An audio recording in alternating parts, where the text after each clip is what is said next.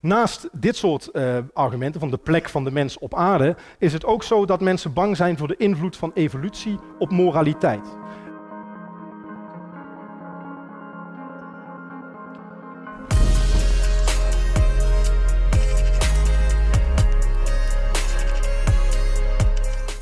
No objective basis for morality. All you have is preference, societal convention. That's all you have. And when the unbeliever says, I think society should flourish, you should say, Why should Stardust flourish? And why are you picking this Stardust over this Stardust? Wat het hoogst haalbare is qua moraliteit vanuit de theorie van evolutie, is dat, en dat is hoe het wordt verklaard vanuit evolutie, hè? dat mensen zeggen, moraliteit is eigenlijk een soort sociaal contract. We zijn groepsdieren. Dat is wat de, evolutietheorie zou zeggen. En wij hebben geleerd om door middel van bepaalde sociale afspraken met elkaar, dat we beter kunnen overleven dan als we gewoon ons, uh, onze primaire instinctieve behoeften zouden uitleven. Dus als ik boos ben op jou en ik sla jou dood neer op de grond, ja, dat, dat zou uiteindelijk voor een samenleving niet zo heel handig zijn. dan gaan we het als soort waarschijnlijk niet zo goed doen als een ander soort waarbij ze elkaar zouden helpen. Dus op die manier evolueert dan eigenlijk uh, in de loop van tijd evalueren steeds beter werkende afspraken. Het probleem is alleen uh, dat, dat je dan hoogstens kan komen tot een soort subjectieve moraliteit. De mens heeft geen intrinsieke waarde.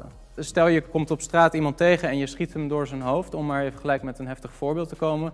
Ja, dan, wat was dat? Dat was gewoon eigenlijk een, een net zo, zoiets als een, een steen die op de grond valt. Er is geen intrinsieke waarde, zeg maar. Er is niks wat de mens meer waarde geeft, zeg maar, dan het feit dat zijn moleculen op een bepaalde manier georganiseerd zijn. Dus dat, de intrinsieke waarde van de mens is niet te gronden in de evolutietheorie en dat is een probleem voor de moraliteit.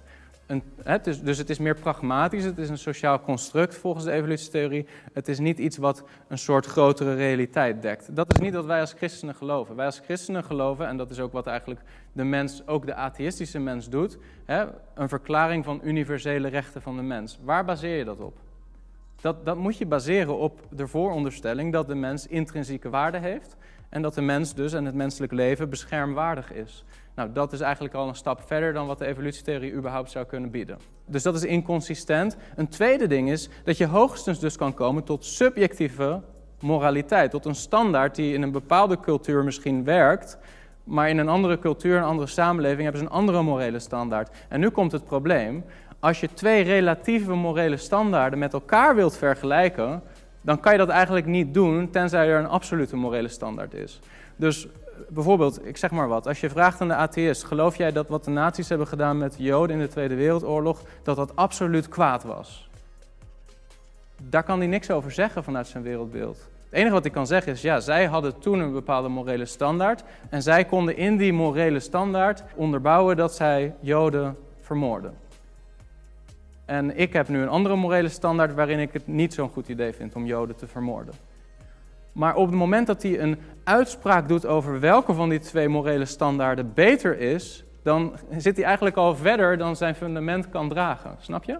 Dan zegt hij eigenlijk, er is een soort overstijgende morele uh, standaard die bepaalt dat mijn standaard beter is dan die standaard.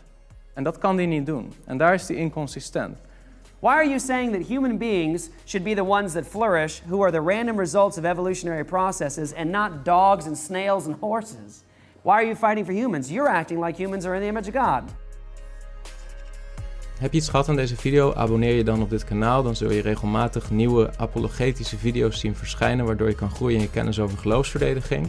En heb je ideeën voor toekomstige onderwerpen om te behandelen op dit kanaal? Schrijf dan een comment en wellicht komt jouw onderwerp volgende keer aan de orde. God zegen.